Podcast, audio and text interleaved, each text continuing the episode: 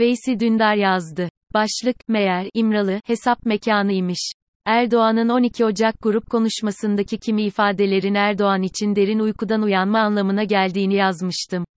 İktisat bahsine dair bu uyanışın, ülkeye UFO inmiş ya da 11 şiddetinde deprem olmuş gibi yaşatılan ağır krizin, nihayet sarayın duvarlarından içerisinde de biraz da olsa etkilerinin hissedildiği anlamına geldiğini düşünüyorum. Aynı konuşmanın bir başka cümlesi ise yine aynı ölçüde önemli bir uyanışı işaret etmekteydi.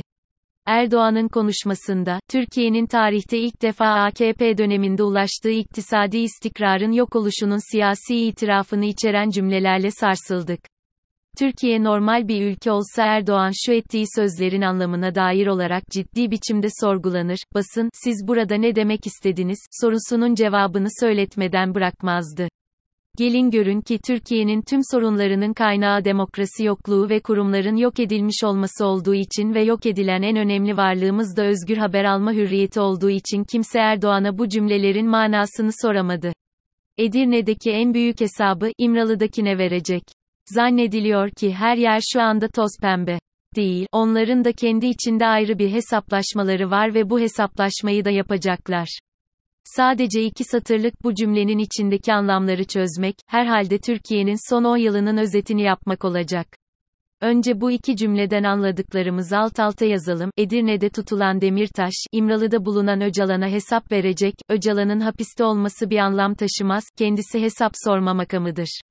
Öcalan devletten, mahkemeden bile, daha fazla, en büyük hesabı sorma kapasitesine sahiptir. Hapiste tutulan Demirtaş için, yıllardır hapiste olan bir insan, her şey, Erdoğan bakışıyla, toz pembe görünüyor. Ama bu yanıltıcı bir renk aslında onun geleceği kara, çünkü hesap verecek. Öcalan ve Demirtaş arasında bir hesaplaşma var. Öcalan ve Demirtaş arasında, Demirtaş'ı kara kara düşündürecek denli ağır, bir hesaplaşma konusu var. Öcalan, Demirtaş'a istediklerini yaptıramadı. Demirtaş, Öcalan'ın istediklerini yapmadı. Öcalan, Demirtaş istediklerini yapmadığı için Demirtaş'a kızgın ve hesap soracak. Demirtaş, bugün güçlü konumda hissedebilir kendini ama bu bir yanılgıdır. Çünkü Öcalan, ondan hesap soracak.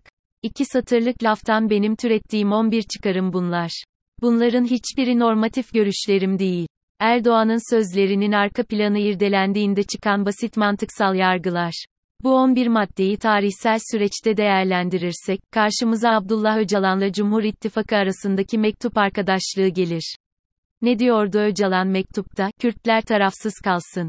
Oy vermesin. Çekimser dursun. Nasıl anlarsanız öyle. Öcalan'ın tavrının iktidara, AKP-MHP blokuna yarayacağı kanaati öylesine yerleşmişti ki, Bahçeli bile, Öcalan'ın görüş beyan etmesinin olağan ve tercih edilir bir şey olduğunu ifade etmişti. Türkçe söylersek Bahçeli ve Öcalan denize aynı kıyıdan bakar durumdaydı. Herkesin bildiği sır artık bütünüyle ifşa oldu. AKP'nin kayyum stratejisi de Demirtaş'a ve HDP'nin güçlü karnına siyaset yaptırmama tercihi de bütünüyle siyasi bir planın parçasıdır. Hapisteki Öcalan'dan seçimlerde kanaat önderi devşiren, mektubuyla seçim dizayn etmek isteyen bir siyasetten söz ediyoruz. Diğer yanda sadece AİHM tarafından özgürlüğü, masuniyeti ve haksız muameleye tabi olduğu tescil edilmiş Demirtaş ise, iktidar blokunun tekerine taş koyduğu için hala hapiste. Demirtaş'ın, Erdoğan'ın, Öcalan'a hesap vereceksin, korkutmasına karşı, siyasetçi sadece halka hesap verir, çıkışı ise, işlerin Erdoğan'ın hafsalasını aşan boyutunu işaret ediyor. Türkiye 1970 doğmuş bir siyasetçiyi, 1970'lerden kalma siyasetçilerin sultasına, hapis mi, hesap merci mi, ne olduğu belli olmayan belirsiz bir muhatabın yönlendirmesine bıraktığı için iktisaden acıyı ve eziyeti yaşıyor. Türkiye bu acayip siyasetin ağırlığı altında eziliyor. Halk satın alma gücünü, Türk parası satın alma kabiliyetini yitiriyor. Türkiye için umut Kaf Dağı'nın değil, seçim sandığının ardında.